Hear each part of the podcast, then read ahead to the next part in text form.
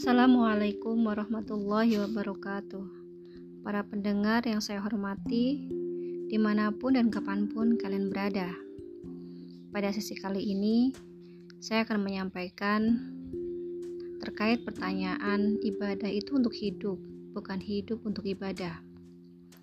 Padahal Yang sering kita lihat Yang sering kita pelajari Bahwa manusia dan jin diciptakan oleh Allah untuk ibadah. Kita tahu bahwa Islam adalah agama yang memberikan keselamatan kepada seluruh alam, tidak terkecuali kepada bumi sebagai makhluk ciptaan Allah.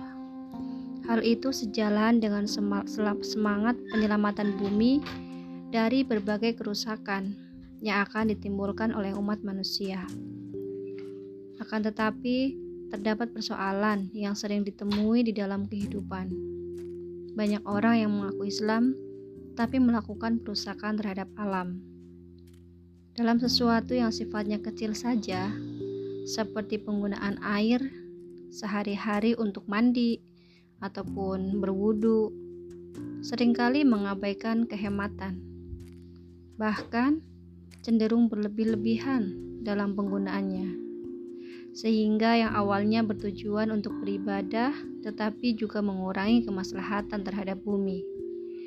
Dalam hal ini, beliau Prof. Quraisy Shihab menyampaikan bahwa sejak sebelum manusia dilahirkan, Tuhan sudah berfirman akan menciptakan khalifah di bumi. Khalifah itu adalah sosok yang bertugas mengantar semua ciptaan Tuhan menuju tujuan penciptaannya.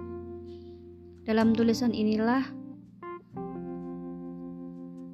beliau membahas secara lengkap di dalam buku beliau Prof. Quraisy Shihab. Kemudian dalam konteks mengantarkan kepada tujuan dalam menciptakan sebuah peradaban yang baik, kita disuruh untuk beribadah.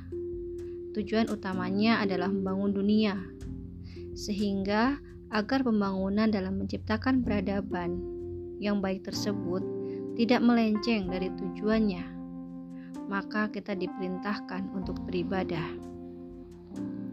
Menurut Prof. Quraisy Shihab, tujuannya hidup bukan untuk beribadah, tetapi ibadah itulah yang akan berguna untuk hidup. Sebagaimana ketika kita makan. Apakah tujuan hidup untuk makan atau makan bertujuan untuk hidup? Tentu dalam pandangan Prof. Quraisy Shihab adalah kita makan untuk hidup, bukan hidup untuk makan. Dari itulah sebenarnya kita hidup bukan buat untuk beribadah, tetapi kita beribadah supaya kita bisa sukses dalam pembangunan dunia ini. Oleh karena itu, ketika ada seorang untuk beribadah, bangun tengah malam, tetapi besoknya dia malas ke kantor, maka dia bisa menanggung dosa karena kewajibannya tidak dipenuhinya. Oleh karena itu, dalam pandangan Prof. Quraisy Shihab, terdapat banyak kesalahpahaman masyarakat yang terjadi di dewasa ini. Maka, kembali pada persoalan hemat air untuk beribadah tadi, bahwa Prof.